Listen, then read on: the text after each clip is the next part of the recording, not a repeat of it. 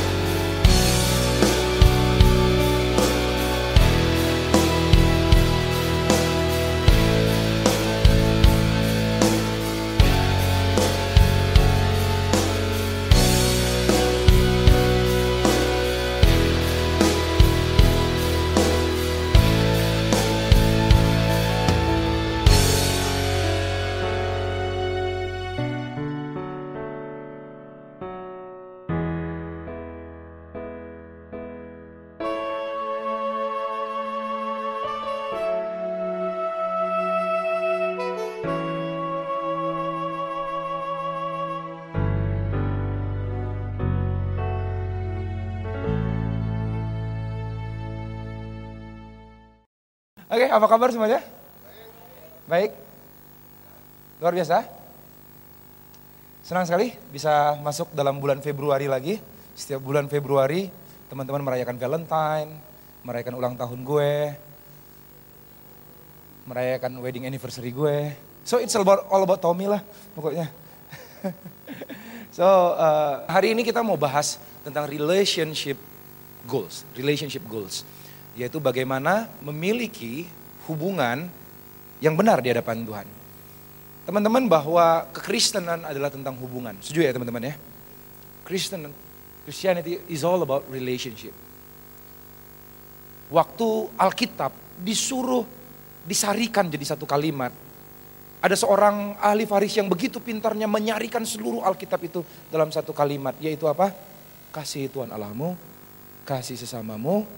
Itu di situlah tergantung seluruh hukum Taurat dan kitab para nabi. Itu tentang apa? Relationship. Relationship itu dimulai dari Tuhan jalan bareng-bareng dengan manusia Adam dan Hawa di hari yang sejuk. Katanya di kitab kejadian. Dan diakhiri juga dengan relationship di kitab Wahyu. Yang berkata suatu saat nanti kita akan bertemu muka dengan muka dengan Tuhan. Tiap hari kita akan berhadapan dengan dia. So relationship is itu itu adalah semua yang dibicarakan di Alkitab. Bahkan firman Tuhan katakan inilah perintah dari mulanya. Yaitu hendaklah kamu saling mengasihi. So dari zaman dulu cuma ada satu perintah sebenarnya yang mewakili semua perintah, saling mengasihilah. Tapi justru di satu perintah inilah iblis masuk dan ngerusak semuanya. Ngerusak kata cinta yang begitu agung menjadi begitu rendahnya. Yesus mendefinisikan cinta gini, inilah cinta, inilah kasih itu, yaitu Tuhan memberikan nyawanya kepada umatnya. Dalam kitab 1 Yohanes katakan gitu. Jadi cinta itu adalah pengorbanan direndahkan serendah-rendahnya oleh iblis. Sehingga kita dengan gampangnya bilang, I love Coca-Cola. Bener nggak? Aku cinta Coca-Cola. Padahal pengertian Tuhan, apakah kau rela berkorban dengan mie Coca-Cola? Relakah kau mati dengan mie Coca-Cola? Mengorbankan hidupmu? Kayaknya enggak deh. I love Justin Bieber. Gampang banget kan? I love Kak Yang Lex gitu kan banyak banget ya. kita udah merubah semuanya dan bahkan dibuat lebih jorok lagi masih ingat let's make love. Bener gak teman-teman? Artinya make love itu jadi apa sekarang? Seks. Iblis ngerusak itu karena memang itu satu-satunya message dalam Alkitab. Nah, if you're not good in it, dalam relationship, you're not good in everything. Aku mau cari pekerjaan yang gak butuh hubungan kak. Yang butuh otak kak. Gak bisa. Semuanya butuh hubungan. Makanya masuk Vcom semua deh. Amin teman-teman. Ya jangan aminin deh. Sesuatu kali, jadi dari manakah aku mulai? Yuk kita mulai dari waktu masa single aja deh. Orang kira masa single itu masa paling aman karena nggak ada hubungan, bebas, kan gitu ya kan? Padahal Tuhan menuntut juga kita berhubungan baik di masa single. Amin teman-teman? Mari kita lihat nih.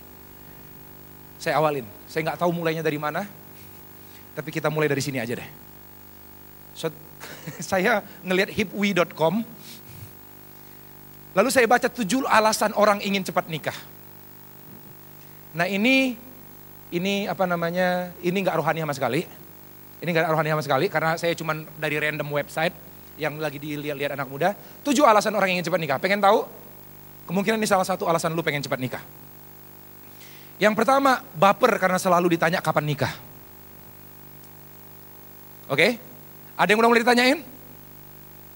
Begitu lu lewat umur 25, mulailah teror itu. Berlangsung sampai lu kawin. Itu terjadi buat gue. Kayak di mana pun gue berada, gue khotbah, suatu kali gue khotbah di Bekasi di tempat Pak Yeye. Habis saya turun gitu ya kan, langsung Pak Yeye datang. Si Tommy ini single nih, ada ibu yang anaknya masih belum kawin, coba datang dia. Eh saya kira bercanda-bercandaan aja, pulang ibadah, beberapa ibu-ibu ngantri di depan saya. Anakku, Anakku, cobalah kau sama anakku ini. Wah stres banget. Seolah-olah di jidat gue ada tulisan, yuk kawin. gitu. Oke. Okay?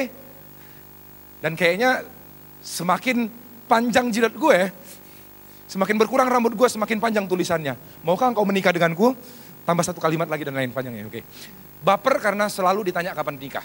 Itu kata orang sana, kata-kata si website ini, hipwi.com nih. Yang kedua, Karena ini lucu banget. Ingin dipanggil Mahmud. Mahmud tahu ya? Mamah muda. So dia pengen dipanggil mama muda. Dia bangga kalau dibilang awet muda nanti.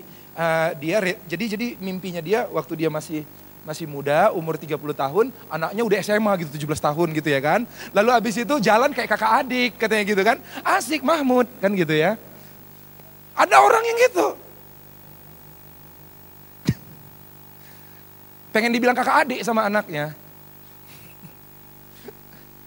ya gitu deh, oke. Okay. Sekali lagi, tidak sesederhana itu Jose. Dunia tidak selicin jidat Dian Sastro, oke. Okay? Yang ketiga, tidak mau dapat gelar perawan tua. Jangan sampai ada yang gua bilang gua pertu perawan tua. Buru-buru. Yang keempat, dikatakan agar lepas dari masalah. Ada yang bilang mau nikah supaya lepas dari masalah. Ini salah satu yang aku kenal orangnya, tapi gue gak sebut namanya. Jadi dia nikah tujuannya satu, supaya lepas dari pengaruh bapaknya. So kalau dia masih ada di rumah, maka dia diperintah terus, dia benci banget, enek banget lihat bapaknya. Masalah itu, muka bapaknya itu masalah buat dia. Peraturan rumahnya itu masalah buat dia. So dia mau cepet-cepet keluar dari rumah, dan satu-satunya alasan bisa keluar dari rumah adalah apa? Kawin, nikah. So agar lepas dari masalah. Padahal dia cuma menambah cerita dan akhirnya dia cuma menambah masalah selanjutnya karena dia mendapati ternyata pasangannya mirip kayak bapaknya. Ya, ya gitu. Nggak bisa. Tuhan kalau bentuk kita ke mana pun kita lari, kita kalau belum lulus ujian yang sama, ya remedial. Benar nggak teman-teman? Engkau belum lulus dari rumah, remedial di keluarga lo. Diulangin. Nggak bisa ke mana-mana. Amin teman-teman. Next. Selanjutnya dikatakan tidak mau menunda ketaatan dan barokah dari Tuhan. Karena kalau udah nikah ada barokahnya. Ada sunnah rasul yang harus dijalani tiap Kamis malam gitu ya kan. Dan yang lain sebagainya. Kalau orang Kristen bilang ketaatan, menggenapi firman pertama aja dalam kitab kejadian, beranak cuculah. Kalau beranak cucu aja udah gak bisa taat, gimana mau taat sampai menjadi misionaris di Afrika? Banyak kali cakapnya. Keluar medannya ini. Aku mau taati Tuhan supaya barokah. Yang keenam adalah udah usia udah jatuh tempo. Kayak utang kredit keren aja ya. Usianya udah jatuh tempo nih. Jadi harus buru-buru. Ada yang udah jatuh tempo di sini?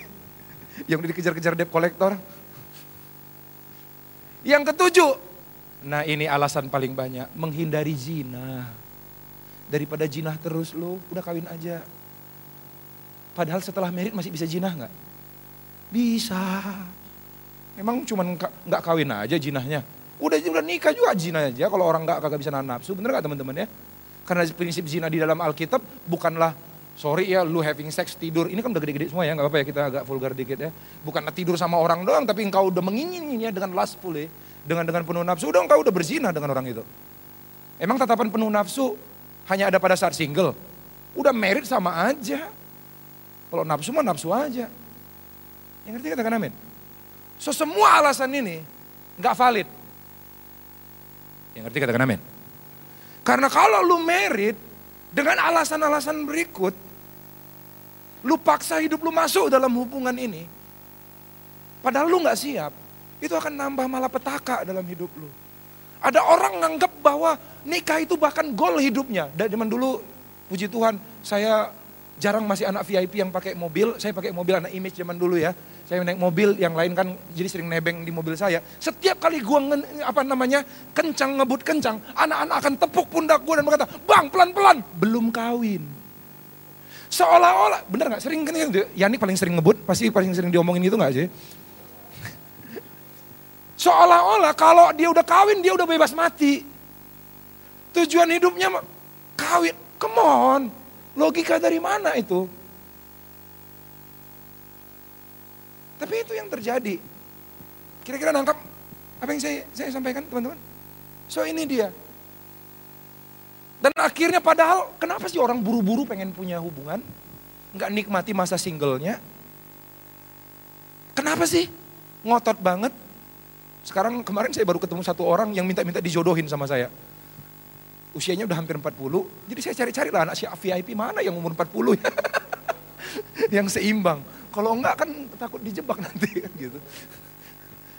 Karena susah minta-minta. Kenapa lu pengen? Aduh apalagi yang diharapin Tom? Menghindari jina. Padahal menurut survei Cak Tommy, artinya ini belum valid dan belum teruji, tetapi pengalaman saya 20 tahun melayani anak muda, saya mendapati kenyataan ini. Orang yang pengen cepat-cepat hubungan ya perhatikan. Bahwa ternyata korban patah hati lebih banyak dari korban perang dunia. Oh. Setuju? Kalian pelayanan anak muda deh, lu akan sadar bahwa korban patah hati lebih banyak dari korban perang dunia. Lucunya PBB bikin satu lembaga untuk apa? Untuk menangani korban perang. Tapi nggak pernah mendirikan satu yang lebih penting lagi, korban patah hati. Setuju gak nih? Valid ya? Boleh lah ya. Yang kedua, sepanjang saya melayani, bahwa orang yang meninggalkan pelayanan akibat dapat pacar lebih banyak daripada yang meninggalkan pelayanan akibat dapat musibah. Dapat musibah dia masih datang Tuhan dia. Dapat pacar hilang tak ke mana dia. Yang dulu tiap minggu dia berharap hujan. Itu jomblo-jomblo akut tuh ya. Supaya itu jomblo akut zaman dulu ya tetapi sekarang dia berharap tiap Sabtu dapat undangan nikah. Biar ada yang digandeng tangannya. Padahal jadi truk aja. Banyak gandengan truknya. Kalau pengen cuma dapat gandengan. Bener gak teman-teman ya? Ini setuju ya valid ya, lumayan valid ya. Yang ketiga, orang yang meninggalkan Tuhan akibat jatuh cinta lebih banyak daripada akibat jatuh ke dalam dosa. Kalau jatuh ke dalam dosa, dia ngerasa bersalah, minta ampun Tuhan, dia balik lagi. Tapi kalau udah jatuh cinta, begonya minta ampun udah. Kakak rohani udah kayak monster dia, jauh kalau bisa ngindar dia. Ketemu di bioskop dia gini mukanya. Dan sebagainya. Valid nggak kira-kira ya? Dan ini dia. Ini kalau ini dari keluarga gue sendiri mayoritas orang pacaran yakin pacarnya jodoh dari Tuhan. Kayak gue pacaran dulu, saya SMA kelas 1, pacaran SMP kelas 1 waktu itu. Tiga tahun doang bedanya, sekarang lebih daun muda lagi gue, beda sama istri 10, 9 tahun gue. Dulu yakin banget, Tom, lu pacar-pacaran gitu belum punya duit, belum apa-apa, udah pacaran. Gue langsung bilang, gimana jodoh? Yakin banget jodoh dari Tuhan. 6 bulan kemudian putus kami. Tetapi mayoritas orang yang sudah menikah rata-rata ragu. Salah pilih aku kayaknya waktu itu. Kayaknya mutuskannya waktu itu galau deh. Kayaknya bukan dia deh. Kalau dia dari Tuhan, kenapa terus mencobai aku? Yang mencobai kita kan iblis kan biasanya kan. Kenapa ini pencobaan terus kalau lihat dia? so, survei Cak Tommy ini membuktikan saya kayak, kayak gini. Dari pelayanan saya puluhan tahun. So akhirnya saya saya bingung dengan dengan hal ini. Harusnya pernikahan itu adalah sesuatu yang indah. Saya menggambarkan pernikahan itu kayak mobil balap. You tahu mobil balap? Mobil balap itu kalau dikendalikan oleh orang yang ahli, dia bisa bawa kita cepat sampai ke tujuan. Benar ya? Tujuan hidup kita, tujuan apa pun mimpi-mimpi lu, visi hidup lu. Tapi kalau dikendalikan oleh anak kecil yang belum dewasa, tabrakan tuh bahaya banget.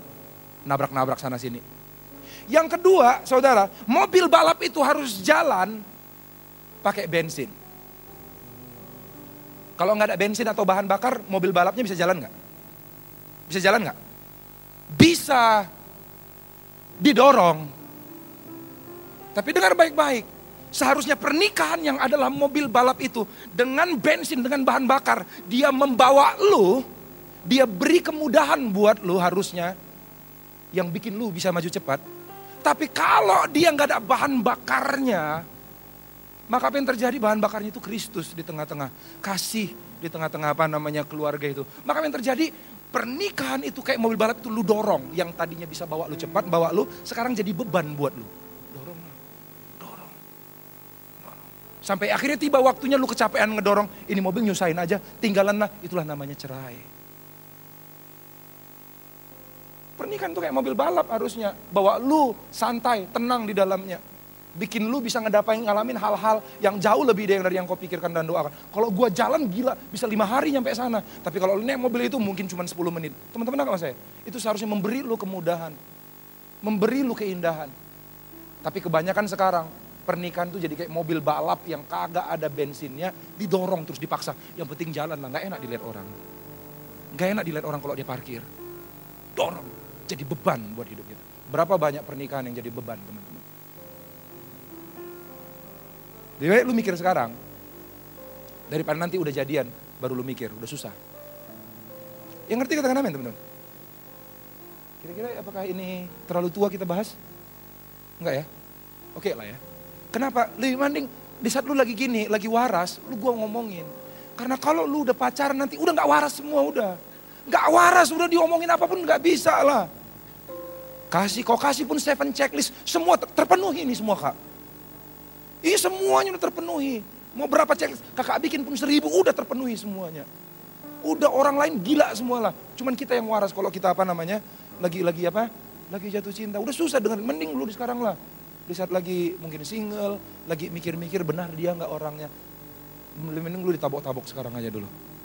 Biar nanti begitu udah memutuskan, lu udah punya pikiran yang tepat. Yang ngerti katakan amin? Amin? Saya minta maaf nih, biasanya abis saya khotbah gini pengalaman, pengalaman ini benar. Udah berapa tahun kita pengalaman. Setiap kali saya khotbah selalu ada yang datang sama saya dan minta putus abis itu. So persiapkan. Be ready. Biasanya. Biasanya. Tapi ya kalau siapa tahu kan ini udah udah berubah kan, udah dikhotbahin tuh tiap tahun, ya siapa tahu udah udah lebih matang. Udah kak kami memang udah siap, udah benar juga, udah benar. Udah cocok itu. Nggak gereja sini lagi kami. supaya tahun depan nggak dapat lagi kak. Oke? Okay? Kita lanjutin ya. So ini tema kita single. Next next week saya akan bawakan masih saya akan bawa tentang apa namanya? Apa sih temanya? It's complicated ya. Tentang it's complicated. Lalu next weeknya Jen-Jen akan bawakan tentang dating. Wih. Next weeknya Gue aja tertarik, gue pengen dengerin Jen-Jen gue. Oke, okay? next weeknya lagi ada Kak Yosefin yang akan bicara tentang marriage life, tentang merit. So pastikan teman-teman jangan sampai yang gak datang. Kita akan bahas yang lain. Lu gak ketuaan kok untuk untuk topik ini. Amin, tepuk sebelah kiri kanannya, lu gak ketuaan. Mending sekarang dengerin pas lu lagi waras, bilang, pas lu lagi waras. Oke? Okay? Karena gue gak tertarik untuk bawain topik ini di rumah sakit sumber waras. Eh, sumber waras mah bukan rumah sakit jiwa ya, enggak ya? So, kenapa? Karena orang pengen banget cepat masuk di dalam pernikahan, padahal dia nggak tahu itu barang apa itu. Itu akan jadi beban, itu akan jadi sesuatu yang yang akan ngerusak banget kalau seandainya kita masuk. Dan bahkan pengalaman, pengalaman tapi mungkin kau berkata gini, tapi kak semua pasang apa namanya, semua hubungan sekalipun salah, bukankah itu jadi pelajaran kak? Dodol, kagak. Kalau sempat belajar, kalau sempat mati dulu gimana? Kalau sempat hilang dulu, nyasar dulu, habis dulu, enggak teman-teman. Puji Tuhan kalau lu udah habis kacau, gagal, tiba-tiba bisa balik lagi sama Tuhan. Tapi kalau enggak, jangan main-main deh dengan hal ini. Udah banyak banget orang yang terhilang. Di anak VIP aja udah beberapa orang yang jelas-jelas terhilang teman-teman. So jangan main-main lah sama yang kayak gini-kayak gini. Amin teman-teman. Lebih baik mencegah daripada mengobati. Memang VIP akan mengobati setiap luka hati teman-teman. Tapi gereja kita lebih suka mencegah. Gereja ini gereja mencegah. Bilang, lebih banyak daripada mengobati. Bilang gitu, cuma gereja ini gereja mencegah gitu ya. Jadi begitu kita habiskan cinta kita, takutnya kita kehilangan habis energi untuk untuk orang yang tepat. Perhatikan kata-kata ini. You don't have to be in love with the wrong ones so that you will not be out of love with the right one. Saya ulangin kata-katanya. You don't have to be in love with the wrong ones so that you don't have to be out of love with the right one. Kalau kita habiskan trial error semua cinta kita in love dengan orang-orang yang salah, takutnya udah begitu ketemu orang yang benar, Lu udah kehabisan cinta. Kehabisan energi untuk mencintai orang tersebut. So simpan energi lu. Hidup ini sebuah pertandingan teman-teman. Simpan energi lu. Rekor banyak itu nggak mengesankan di dalam dunia percintaan. Emang ring tinju? Enggak. Amin. Yang ngerti katakan amin. So, Yesus suatu kali ngomong gini, penting banget makanya sebelum masuk itu beresin dulu loh. You get so get married when you are ready lah, not when you are lonely. Amin teman-teman. Menikah itu pada saat kamu siap, bukan pada saat lu lagi kesepian. Lagi lagi kagak ada yang nanyain aku udah mamam belum kak. Gak ada yang ngasih aku bunga waktu aku wisuda. Padahal tiga bulan lagi aku wisuda kak. Aduh ke mana? Suatu kali Yesus bilang, tipe singleness ini. Jadi singleness. Masa-masa keutuhan atau masa-masa sendiri ini. Coba kita lihat Matius 19 ayat yang ketiga. Matius 19 ayat yang ketiga bilang gini. Maka datanglah orang-orang Farisi kepadanya untuk mencobai dia. Mereka bertanya, apakah diperbolehkan orang menceraikan istrinya dengan alasan apa saja? So ini pertanyaan banyak orang. Dan ayat inilah perikop ini yang dipakai si Ahok untuk apa namanya? Untuk melegitimasi perceraiannya. Ahok banyak kebaikannya, sangat banyak kebaikannya. Tapi untuk saat ini saya harus tentang beliau. Untuk hal ini, untuk hal perceraian ini. Dia pakai ayat ini. Apakah boleh menceraikan istrinya atau menceraikan pasangan dengan alasan apa saja? Pertanyaan ini pertanyaan tertutup harusnya. Boleh atau tidak? Benar nggak teman-teman? Tapi jawabannya Yesus agak aneh, perhatikan. Jawab Yesus. Tidakkah kamu tahu bahwa ia yang menciptakan manusia sejak semula dalam bahasa Inggrisnya in the beginning menjadikan mereka laki-laki dan perempuan. So Yesus jawabnya agak nggak nyambung. Don't you know that in the beginning pada mulanya Allah menjadikan male, single male and single female male and female. Female. Gak nyambung, harusnya jawab aja boleh atau kagak. Tapi dia jawab pada mulanya. Tuhan itu menciptakan laki-laki, satu orang laki-laki dan satu orang perempuan. Dan firmannya sebab itu laki-laki akan meninggalkan ayah dan ibunya, bersatu dengan istrinya, sehingga keduanya itu menjadi satu daging. Demikianlah mereka bukan lagi dua, melainkan apa? Satu, karena itu apa yang telah dipersatukan Allah tidak boleh diceraikan manusia. Lucu, zaman sekarang orang datang kepada Tuhan minta diceraikan. Eh, minta diceraikan apa? Minta diberkati. Eh, datang ke pengadilan minta diceraikan. Harusnya datang ke hamba Tuhan lagi dong minta dicerain. Tapi datangnya ke mana? Ke hakim kan? Minta diceraikan. Something wrong. Minta dipersatukan oleh Tuhan. Minta diceraikan oleh manusia. Irresponsible. Gak bertanggung jawab. So waktu jawaban Yesus ini, boleh nggak bercerai? Eh jawab, eh nggak tahukah kamu dari mulanya Tuhan menciptakan single male and single female. Laki-laki dan perempuan. Waktu baca pertama saya nggak ngerti ayat ini. Kok Yesus kagak nyambung ya ngomongnya? Sampai akhirnya suatu kali saya mendengarkan Miles Monroe dan dia menceritakan tentang prinsip singleness. Dan saya bilang, wow keren banget. Jadi intinya gini, Farisi lagi bertanya tentang produk dari pernikahan, produk buruk dari pernikahan. Karena nggak mungkin lu cerai kalau lu nggak pernah kawin kan gitu kan? Eh gue baru putus nih. Emang kapan jadian? Eh, belum pernah. Nggak nggak putus namanya. Jadi perceraian adalah produk dari pernikahan, amin? Atau pacaran.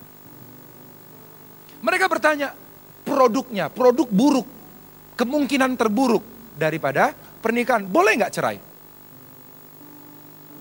Tuhan ngejawab gini, eh tidak tahukah kamu bahwa dari mulanya Allah menciptakan perempuan, dan laki-laki, Yesus lagi bicarakan ingredient bahan dasar dari pernikahan. Bahan dasar dari pernikahan, satu laki-laki, satu perempuan. Laki-laki single, perempuan single. Maksudnya apa? Dengan kata lain Yesus lagi ngomong gini. Ini keren banget ternyata jawaban Yesus. Yesus lagi ngomong gini. Kalau lu nggak pengen produknya buruk, perhatikan bahan dasar lu. Kalau lu nggak pengen hasilnya, produk dari yang lu hasilkan, produk dari pernikahan ini buruk, perhatikan bahan dasar dari pernikahan itu. Kalau lu bikin kue dari telur busuk semuanya, percayalah mau gimana juga, Kue busuk yang kau dapat. Teman-teman nangkap saya? But kalau engkau dari awal bikin telur yang terbaik, bahan-bahan yang terbaik, maka apa yang terjadi? Maka dihasilkan kue yang terbaik. So daripada lu sibuk ngurusin gimana supaya nggak cerai, itu sama kayak ngurusin gimana caranya kue yang dari telur busuk ini nggak bau busuk. Kira-kira kayak gitu. Lebih baik lu pikirin bahan dasar dari pernikahan itu. Yaitu apa? Pria dan wanita in the beginning. Kira-kira nampak nangkap nggak maksud saya ini? Logika ini. So yang masa-masa paling penting adalah bukan masa setelah nikahnya nanti. Masa-masa engkau single ini. Karena masa inilah kita mempersiapkan bahan dasarnya. Bahan dasar dari sebuah pernikahan. Apa bahan dasar dari sebuah pernikahan? Wedding venue pak, MDC hall yang kosong di booking. Enggak. Bahan dasar dari sebuah pernikahan adalah seorang perempuan single dan seorang laki-laki single. Di mana mereka single-single masing-masing. Lalu ada istilah gini, tidak tahu kan mereka bahwa pada mulanya. Jadi Tuhan Yesus berkata ada membedakan ada laki-laki dan perempuan pada mulanya, ada laki-laki dan perempuan yang tidak pada mulanya. So, dari mana kita lihat? So, dari mulanya Alkitab selalu membedakan antara sebelum manusia jatuh dalam dosa dan sesudah manusia jatuh dalam dosa. Kejadian tiga lah kejadian manusia jatuh dalam dosa itu. So Yesus mengatakan bahwa laki-laki pada mulanya Allah menciptakan laki-laki dan perempuan. So ada tipe laki-laki dan perempuan yang original. Ada yang crispy, eh KFC ya. ada yang original ini, yang dari mulanya yaitu yang sebelum jatuh dalam dosa, yaitu kejadian tiga. Dan laki-laki dan perempuan setelah kejadian tiga. Nah ada tiga contoh pernikahan yang dalam Alkitab nih. Yang pertama, cara cari jodoh. Yang pertama sebelum jatuh dalam dosa, yaitu Adam. Gimana dia ketemu si Hawa. Benar ya? Itu kan sebelum mereka jatuh dalam dosa di dalam Taman Eden. Dalam hadirat Tuhan. Taman Eden lebih daripada secara geografis. Taman Eden itu adalah sebuah atmosfer yaitu hadirat Tuhan. Ada kehadiran Tuhan, itu tamannya Allah di situ. Yang kedua adalah cara nyari Ishak dijodohin. Ini agak bagus lah dikit. Jadi ada ada yang orang waras kan dia kalau lagi jatuh cinta kan gak waras kan.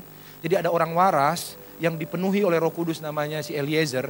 Eliezer itu mak comblang karunianya ya. Jadi untuk cariin jodoh buat si Ishak dan akhirnya kawinlah mereka tanpa pertemanan yang panjang dan akhirnya kawinlah mereka. Ya ya begitulah. Agak ada kurang-kurangnya sih akhirnya terjadi pilih kasih pilih kasih kan anak ya Yakub sama Esau gitu. Tapi yang ketiga juga ada cara cari cari uh, jodoh yang keren juga di Alkitab, yaitu dengan cara orang-orang lagi perang, lu santai-santai, orang-orang lagi melakukan kewajiban melayani Tuhan, lu santai-santai. Eh tiba-tiba lewat cewek mandi namanya Betsheba. Ini cara cari jodohnya Daud. Lalu abis itu dikawinin, bawa dia bungkus, bungkus, bungkus, bungkus. Lalu abis itu dibawa ke tempat tidurnya Daud, dia hamil dulu, setelah hamil baru dikawinin. Diberkati nggak? Tetap diberkati. Tetapi ya gitu, hasilnya begitu. Nah tinggal lu pilih nih. Lu mau kayak Daud, yang gara-gara itu terpecah semua kerajaannya. Atau lu mau kayak Ishak? Atau lu mau kayak manusia yang dari semula? Dua terakhir ini setelah jatuh dalam dosa manusia. Pakai cara-caranya sendiri. Yang pertama namanya Adam. Ini pakai caranya Tuhan. Gimana caranya Tuhan? Mau lihat sama-sama ya? Coba kita lihat sama-sama. Inilah laki-laki dan perempuan yang dari semula yang katakan yang Tuhan Yesus katakan itu. Dia refer kepada kejadian dua. Yeah, you don't have to be in love with the wrong people. So you don't have to be out of love with the right people. Be in love when you are ready, not when you are lonely. So inilah kejadian dua itu. Kejadiannya seperti ini. Perhatikan. Tuhan Allah berfirman. Tidak baik kalau Jenny Belina Sutekco seorang diri saja. Tidak baik kalau so, manusia itu seorang diri saja. Aku akan mencarikan. Amin teman-teman. Baca, bukan mencarikan. Menjadikan. I will make. Membentuk. Menjadikan. Seorang penolong baginya yang sepadan dengan dia. Jadi kalau lu tanya, bagi engkau yang masih single, kau bertanya, di manakah jodohku Tuhan? Tuhan jawabannya sederhana, aku sedang membentuknya. Yang ngerti katakan amin. Tuhan kelamaan, udah jadiin aja dulu biar aku yang membentuknya. Nggak bisa. Kan kita gitu kan seringnya. Cepat kasih aja Tuhan kasih tahu. Biar aku yang bentuk dia. Aku jago banget bentuk orang. Aku ini kalau di, di komunitasku kayak amplas Tuhan. Orang-orang jadi mulus, aku yang habis. Itu dia. Ya, aku akan menjadikan penolong yang So, Tuhan telah memikirkan pasangan yang terbaik bagi engkau. Yang single katakan, Tuhan udah mikirin, udah lu, lu tenang aja, Tuhan mikirin. Dan dia bukan hanya mikirin, dia sedang membentuk atau menjadikan dengan proses-proses kehidupan yang diizinkan Tuhan terjadi sama dia. Dengan jadian sama dia lebih cepat dari waktunya, maka engkau sedang menghindarkan dia dari proses pembentukan Tuhan. Dan jadi bantet kuenya nanti. Kue pernikahanmu ini nanti. Dan jangan salah kalau seandainya dia jadi mobil balap yang didorong-dorong terus. Yang gak akan bisa bawa lu sampai ke tujuan dengan cepat. Yang ngerti katakan amin. Ya. Lalu setelah Tuhan berpikir itu, ayat 3, 19, harusnya keren kan? Aku akan menyiapkan, membuat seorang penolong yang sepadan. Seharusnya Tuhan langsung pergi ke, ke tanah liat, langsung bentuk-bentuk gitu ya kan. Orang, tapi enggak, perhatikan apa yang Tuhan lakukan. Ayat 19.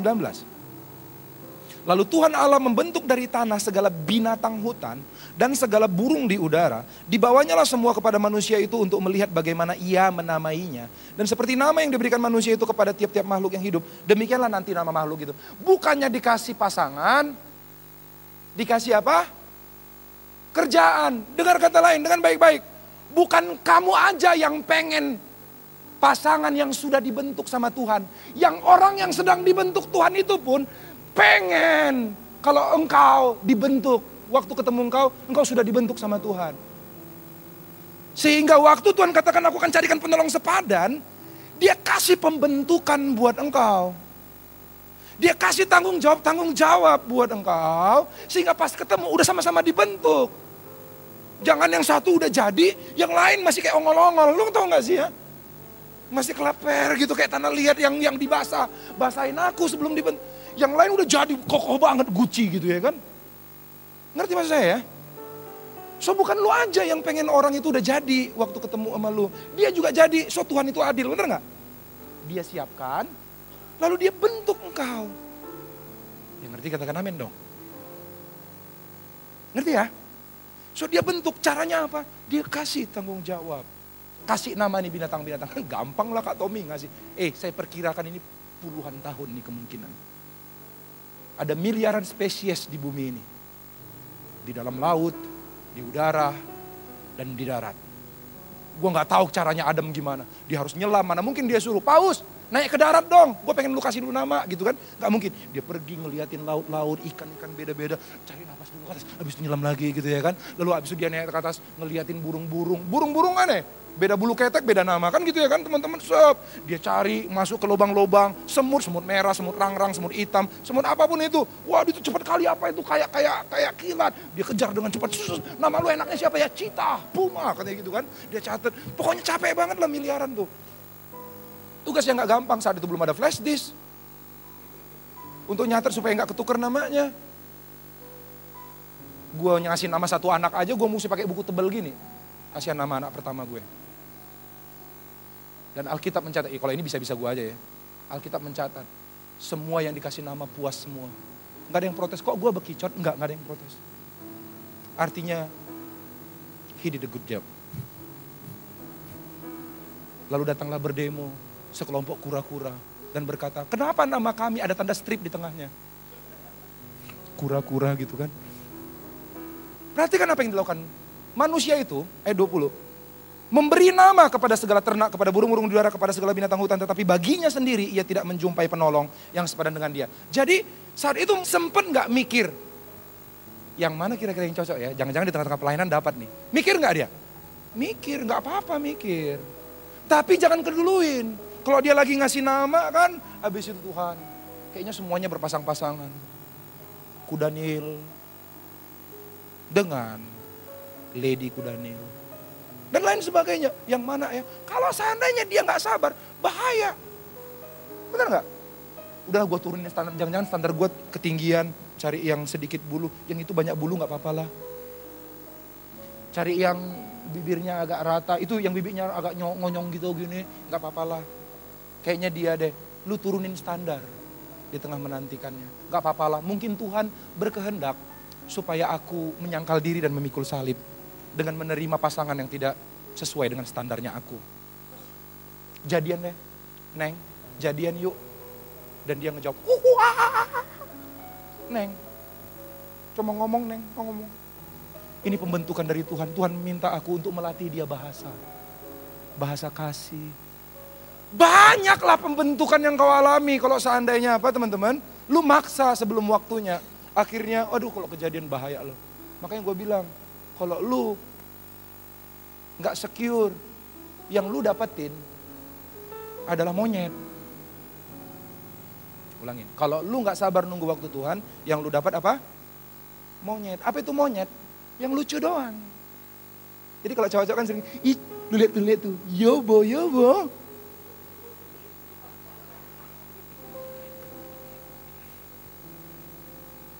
Lucu. Dapatlah kau lucunya. Dia suka bikin kau ketawa. Enak diwajak foto senyum terus dia. Giliran ada masalah, ketawa doang lah yang bisa dikasih sama kau. Waktu ada kebutuhan, Ketawa juga dia sama kau. Dia diajak lari bareng, dia ketawa ninggalin lo. Itu orang yang dapat monyet.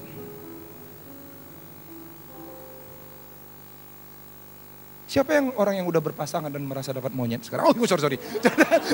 Oke, itu pertanyaan yang dalam. Wuh, wuh, wuh.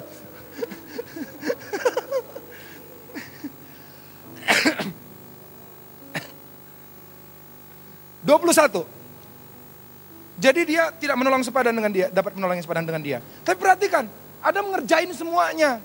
Dia nggak ngomong gini, Tuhan tugasmu ini terlalu berat bagiku. Berikanlah aku sebagai seorang penolong yang kalau aku capek lagi ngasih nama ada yang mijetin. Ada yang ngingetin aku kapan makan. Ada yang mengingatkan aku di saat hatiku udah nggak terarah lagi kepadamu. Ada orang yang bawa aku kembali. Tuhan berikan, dia nggak ada ngomong gitu. Dia katakan, ada nggak ada pacar, ada nggak ada pasangan, aku akan selesaikan tugas-tugas dari Tuhan. Aku akan kejar visiku. Aku nggak akan tunggu.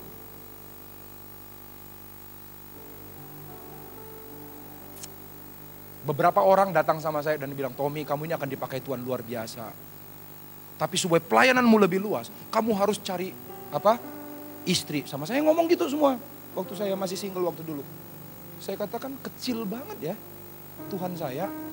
Kalau untuk memaksimalkan hidup saya, dia harus pakai satu pasangan lagi, satu orang lagi. Kalau gitu orang yang paling tidak maksimal hidupnya di dunia ini ya Yesus lah, bener nggak? Nggak sempat kawin dia. Enggak kok. Engkau tetap maksimal. Inilah prinsip singleness. Ada nggak ada pasangan, saya akan maksimal di dalam Tuhan. Nah kalau lu nggak punya prinsip ini, lu bahaya. Dikasihlah nama. Lalu Tuhan Allah membuat manusia itu tidur nyenyak. Ketika ia tidur, Tuhan Allah mengambil salah satu rusuk daripadanya. Lalu menutup tempat itu dengan daging. Jadi kalau jalannya udah mulai agak timpang-timpang gitu, kemungkinan kau udah mulai merasa kebutuhan seorang tulang rusuk. Ayat 22, dan dari rusuk yang diambil Tuhan Allah dari manusia itu dibangunnyalah seorang perempuan, lalu dibawanya kepada manusia itu. Lalu berkatalah manusia itu, inilah dia Eh kok sini? Inilah dia apa? Tulang dari tulangku dan daging dari dagingku. Ia akan dinamai perempuan sebab ia diambil dari laki-laki. Ini tulang dari tulangku. Dia dia di saat dia sebelum jatuh dalam dosa, dia benar-benar luar biasa. Dia nggak pakai-pakai kata Tuhan. Begitu ada Hawa di samping yang cantik, yang sesuai standarnya, dia nggak bilang, Aku rasa kaulah yang diberikan Tuhan padaku. Enggak ada ngomong gitu, enggak pakai-pakai Tuhan dia. Ini keputusan. Engkau tulang dari tulangku, artinya opungnya kan gitu kan. Tulang dari tulangnya gitu ya kan. Ini keputusannya. Ingat tulang dari tulangku dan daging dari dagingku. Artinya engkau orang yang cocok melengkapi aku. So gereja kita percaya bahwa jodoh saya kita tidak, tidak percaya perjodohan. Kita percaya bahwa jodoh diberikan Dan kita harus menemukannya. Menemukannya apa? Tuhan memberikan kita prinsip-prinsip. Bukan menjodoh-jodohkan. Si Timothy, si Timothy, Timothy, dia sama si Susi dia. Si Rudi, sama si De, apa namanya Denada atau sama siapa lah nama-nama gue bingung nama-nama gitu ya. No no no. Jadikan itu keputusanmu. Ini pilihanku, ini orang yang kupilih Tuhan. Makanya waktu menikah, saya berkata oleh anugerah Tuhan, aku mengambil engkau Sheila sebagai pasanganku. Itu keputusanku. Sehingga kalau nanti ada masalah di depan, lu nggak, gue nggak nyalain Tuhan, bener nggak teman-teman? Gue nggak nyala nyalain Tuhan. Ini keputusanku. Tuhan telah membimbing aku sedemikian rupa untuk punya hikmat, untuk menemukan yang terbaik dan aku tahu engkau orangnya. So ini keputusanku aku mau ambil. Amin teman-teman. Itu yang disampaikan oleh soleh siapa? Si Adam. Saat itu Adam punya singleness. Ada nggak ada pasangan, dia terus menjalani Tuhan. Singleness itu artinya nggak artinya satu, single itu satu, utuh. Mana ada pemain single yang habis itu yang main tanding kan pertandingan single nih badminton ya. So, begitu dia main teman-teman, eh ternyata lawannya jago banget. Dia datang ke wasit, wasit jago banget dia. Tambahin satu lagi dong untuk menjadi penolongku. No, nggak ada yang kayak gitu. Single-single selesaikan, benar nggak teman-teman? Itu artinya singleness, utuh. Selesaikan pertandingan hidup lo. Jalanin. Yang ngerti katakan amin teman-teman. Kita lanjutkan lagi. Firman Tuhan katakan ini, uh, Blaise Pascal berkata, dalam hati setiap manusia ada ruang kosong, kalau dalam bahasa Inggrisnya lebih keren lagi, God-shaped vacuum, ruang kosong yang berbentuk Tuhan, yang tidak bisa diisi oleh benda ciptaan apa pun, termasuk pacar di dalamnya. Pacar kan masih ciptaan Tuhan kan? Melainkan hanya oleh Tuhan Sang Pencipta yang dikenal melalui Yesus Kristus. So ada ruang kosong di hati kita yang hanya bisa diisi oleh Tuhan.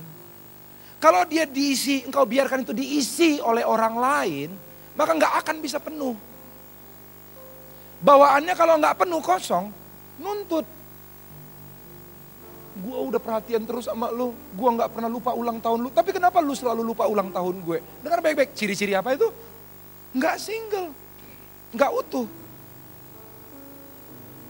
Kok dalam hubungan ini aku yang terus-terus menerus memberi ya? Kamu terus menerus diberi. Kayaknya ini nggak adil nih. Udah kalau udah gitu pernikahan udah bahaya, udah nuntut. Karena firman Tuhan katakan kasih selalu memberi, yang selalu menuntut itu apa? Nafsu. Tapi wajar dong kak, aku kan memberi, aku nuntut balik. Ya itu transaksi namanya, bukan relasi. Teman-teman nangkap saya? So Tuhan ingin kita utuh penuh. Sehingga nggak jadi kayak Anang Krisdayanti gitu ya kan. Dia kira bahwa si Krisdayanti lah si kadek lah yang ngisi hatinya. Begitu kadek pergi, sep, dia nyanyi. Separuh jiwaku pergi. Gini, gini. Apa lu orang separoh gitu? No Tuhan ciptakan kita sempurna. Waktu dia ciptakan kita dikatakan sungguh amat baik, amin kan? So nggak ada ada nggak ada. Suatu saat nanti kalau udah menikah juga, gue udah utuh. Istri saya pergi dipanggil Tuhan atau saya dipergi dipanggil Tuhan, masing-masing udah utuh. Sehingga kami bisa tetap lanjutkan kehidupan, puas dengan Tuhan saja. Di saat suatu saat nanti I don't know kami tua dan istri saya tidak bisa lagi memenuhi kebutuhan saya melayani saya dan saya sebagai tua saya udah nggak mampu lagi memenuhi kebutuhan istri saya. Kami akan tetap menikah. Karena menikah bukanlah alat kami untuk memenuhi kebutuhan. Memenikah adalah alat kami untuk saling mengasihi, memberi. Karena kami udah punya banyak kasih yang melimpah dari Tuhan dalam hidup kami untuk kami saling bagikan. Yang ngerti katakan amin teman-teman.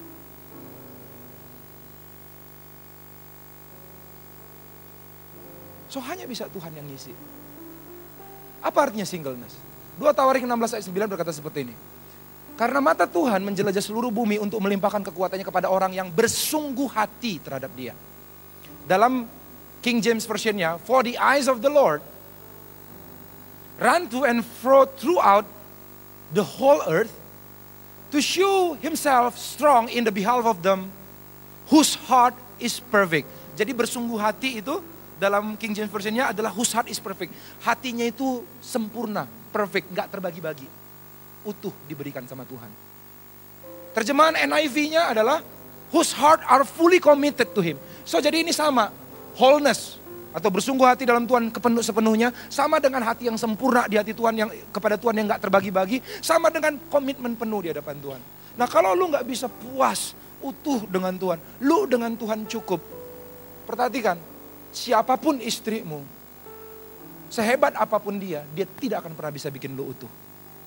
Kalau pribadi yang sempurna aja nggak bisa bikin lu utuh, penuh, nggak bisa isi penuh itu hatimu yang kosong, gimana mungkin istri yang bisa bisa bikin?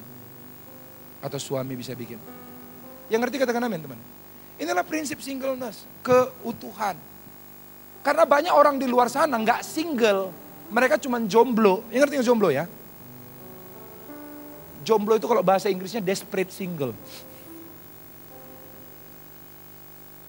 Mereka cuma unmarried. Status mereka belum kawin, tapi nggak single.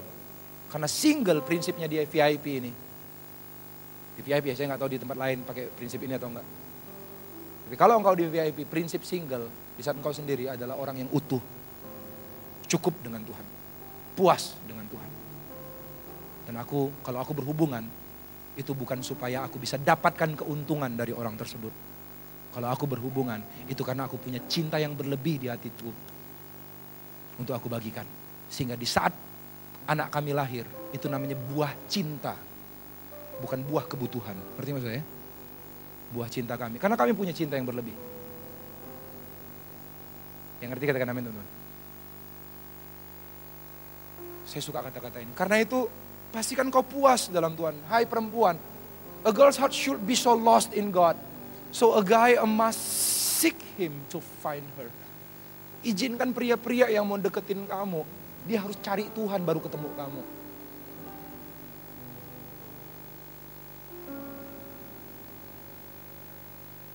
Jujur waktu dulu gue masih muda, si Ella masih muda, gue udah tua sekarang. Banyak yang naksir men.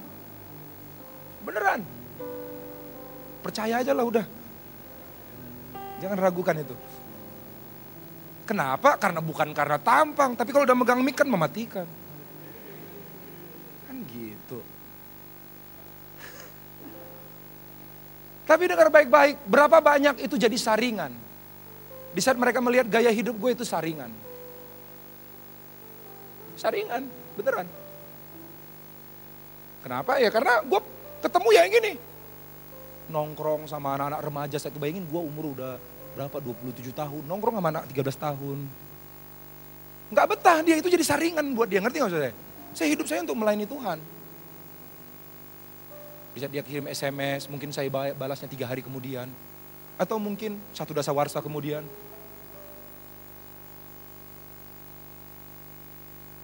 ini lain sebagainya. So, pastikan di saat engkau sama Tuhan, biar dia tersesat dulu lah. Waktu cari engkau dia tersesat di hatinya Tuhan. Di saat kalian sama-sama tersesat dengan caranya yang ajaib, Tuhan pertemukan kalian. Waduh indahnya minta ampun. Amin teman-teman. Semua perempuan sama-sama doakan biar dia tersesat Tuhan. Apa yang so, so di masa single ini apa yang harus saya lakukan? Waktu saya sedikit banget udah ditambah-tambahin ya kayaknya. Hah? Udah harus habis? Bagaimana? Lanjutin dengan cepat ya. So apa aja yang harus saya lakukan di masa single? Yang penting kalian udah dapat konsep singleness. Benar ya teman-teman ya? Keutuhan. Karena cinta hanya bisa diberikan oleh orang yang single atau utuh. Kalau enggak, itu enggak. Itu manipulasi. Dia mencintai lu dengan harapan suatu saat nanti dapat dari lu. Cinta, sama-sama katakan dengan saya, cinta hanya bisa diberikan oleh orang yang single. Orang yang utuh dengan Tuhan. Kalau enggak itu manipulasi, itu transaksi. Dia ngasih dulu untuk nanti diambil kemudian. So apa yang dilakukan di masa single nih? So masa single adalah masa yang paling menggairahkan, masa yang paling keren banget. Yang perlu kamu lakukan adalah yang pertama mengenal Tuhan dan mengalahkan yang jahat. Di dalam 1 Yohanes 2 ayat 14 dikatakan seperti ini, ternyata kekristenan ada tiga tahapnya. Tahap anak-anak yaitu baru bertobat, kemudian tahap orang muda, kemudian tahap bapak-bapak, bapak-bapak itu udah menikah artinya. Nah sebelum jadi bapak-bapak, lu harus ngelewatin satu tahap yaitu anak muda. Apa ciri-ciri anak muda? Ciri-cirinya adalah kita semua ini sebelum jadi bapak-bapak, sebelum dipercayakan pernikahan, kamu apa aku menulis kepada kamu orang muda karena kamu kuat di dalam firman Allah dan dia, uh, firman Allah diam dalam kamu dan kamu telah mengalahkan yang jahat. Kuat dalam firman dan mengalahkan yang jahat. Apa yang jahat? Coba selidiki. Jadi masa-masa menunggu sekarang bukan cari orang yang bisa bantu lu lepas dari yang jahat. No kalahkan yang jahat. Apa yang jahat darimu? Mungkin nggak punya self control main PUBG? Eh come on, para wanita, para perempuan, ini ada tahapnya manusia. Perubahan status nggak akan mengubah karakter. Banyak orang berkata, nanti kalau dia udah menikah, dia kan sekarang kan nggak perhatian ya. Nanti kalau udah menikah, biasanya kalau udah punya anak pasti jadi perhatian. Dia orangnya kan apa namanya orangnya kan suka ngelayap ya. Tapi biasanya orang kalau udah nikah pasti sukanya di rumah. Bohong aja. Perubahan status nggak akan pernah bisa ngubah karakter. Yang ngerti katakan amin? Ya, so berubahlah sebelum itu. So mengenal Tuhan dan kalahkan yang apa yang jahat darimu? Drama Korea? Yang menghabiskan waktumu sehingga engkau nggak bisa mengembangkan diri. Engkau malas ngambil S2 kenapa? Nanti terganggu waktu nonton film Koreanya gue. Apalagi yang jahat? Emosi? Atau gampang jatuh cinta itu itu sesuatu yang jahat dalammu. Gampang banget jatuh cinta. Gimana kalau udah nikah lu gampang banget jatuh cinta sama orang lagi? Apalagi yang jahat dalam dirimu? Pornografi? Apa? Cintakan uang yang kalau udah ngejar doang itu habis-habisan sampai nggak ingat teman, sampai berani ngorbanin teman dapat demi dapat uang. Apa yang jahat darimu? Kenali dan dikalahkan di masa single. Yang ngerti katakan amin. So yang kedua adalah melatih hidup tanggung jawab. Firman Tuhan katakan dalam dalam Lukas 16, barang siapa yang tidak bisa dipercayakan harta orang lain, siapakah yang akan mempercayakan kepada dia hartanya sendiri? Jikalau kamu tidak setia dalam harta orang lain, siapa yang akan menyerahkan hartamu sendiri? Harta, anggaplah keluarga itu harta.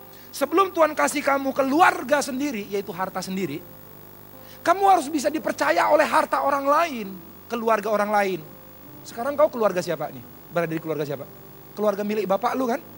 Atau keluarga milik mama lu kan? Kalau lu nggak bisa setia memperhatikan orang-orang yang di dalam keluarga itu, gimana kamu bisa bertanggung jawab? Kalau lu nggak bisa ngargain emak lu, aku nggak bisa yakin kalau kamu akan menghargai wanita yang lain yang baru ketemu di saat lu besar, yang nggak pernah bersih sumbang apa pun kepadamu, nggak pernah sumbang asi, nggak pernah sumbang apa namanya apa pun sama hidupmu, aku nggak percaya kau bisa respect sama dia. Kalau seandainya orang yang udah udah ada bareng-bareng lu, lu nggak pernah bisa respect, bohong aja. Yang ngerti katakan amin teman-teman. Gue bingung ada banyak orang dengan cepat dia traktir cewek untuk nonton bioskop, padahal adik kandungnya atau mamanya nggak pernah ditraktir nonton. Engkau dengan cepat traktir orang lain makan makanan enak. Papa mamamu nggak pernah kau traktir. Sekali-sekali, tapi aku kan nggak punya duit, aku masih mahasiswa. Nabung kamu. Nabung tiga bulan atau lima bulan.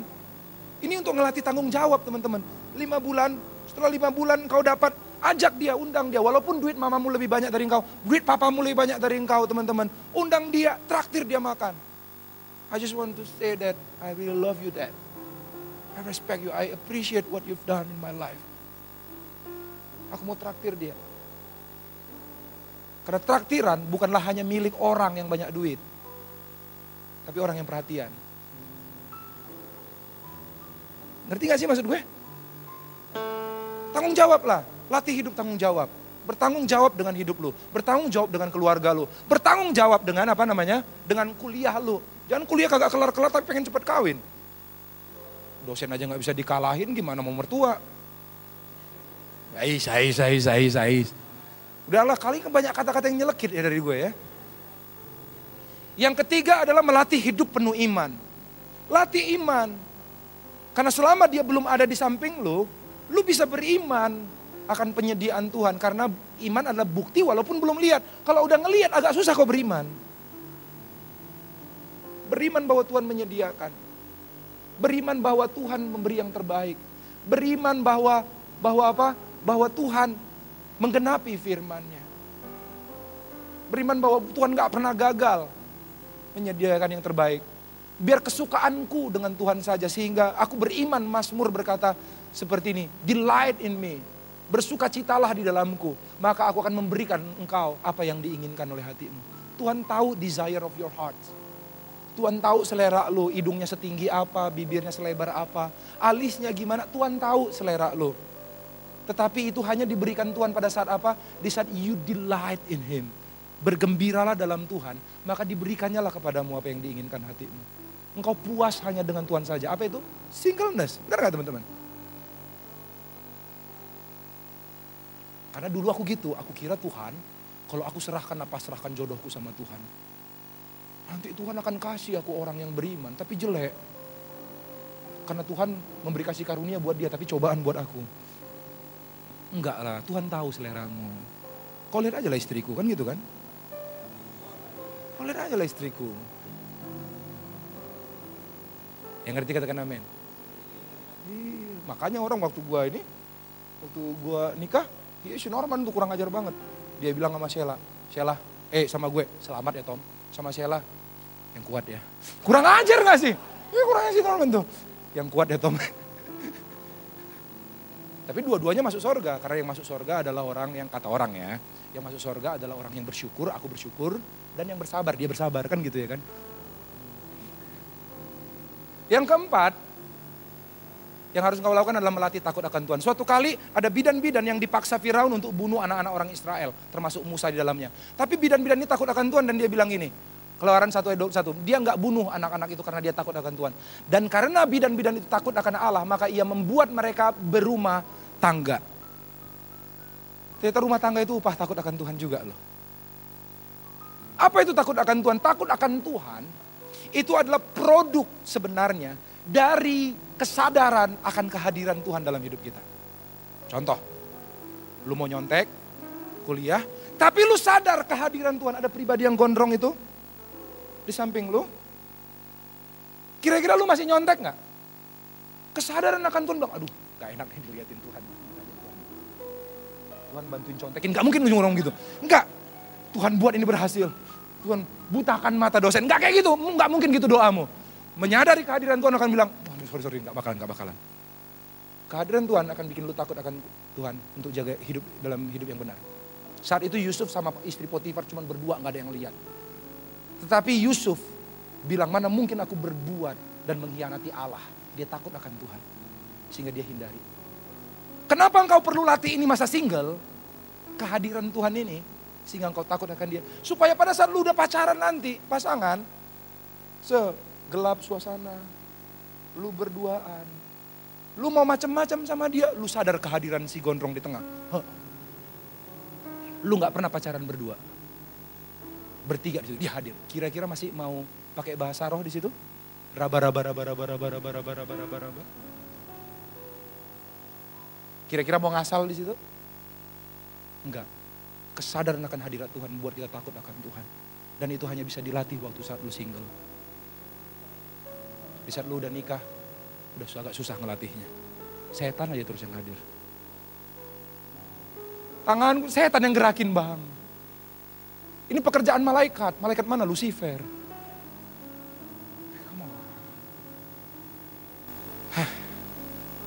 Dan akhirnya praktis ini setelah kau menikah tetap punya keutuhan. Setelah menikah pun anak-anak VIP tetap single gelarnya. Married or not married yet, single forever. Utuh, puas dengan Tuhan. Yang setuju katakan amin. Ini baru seri satu, minggu depan kita lanjutin lagi. Teman-teman pastikan lu datang. Siapa yang diberkati hari ini? Men, siap? Kalau nggak diberkati ditabok, oke? Okay? Sama-sama kita bangkit berdiri.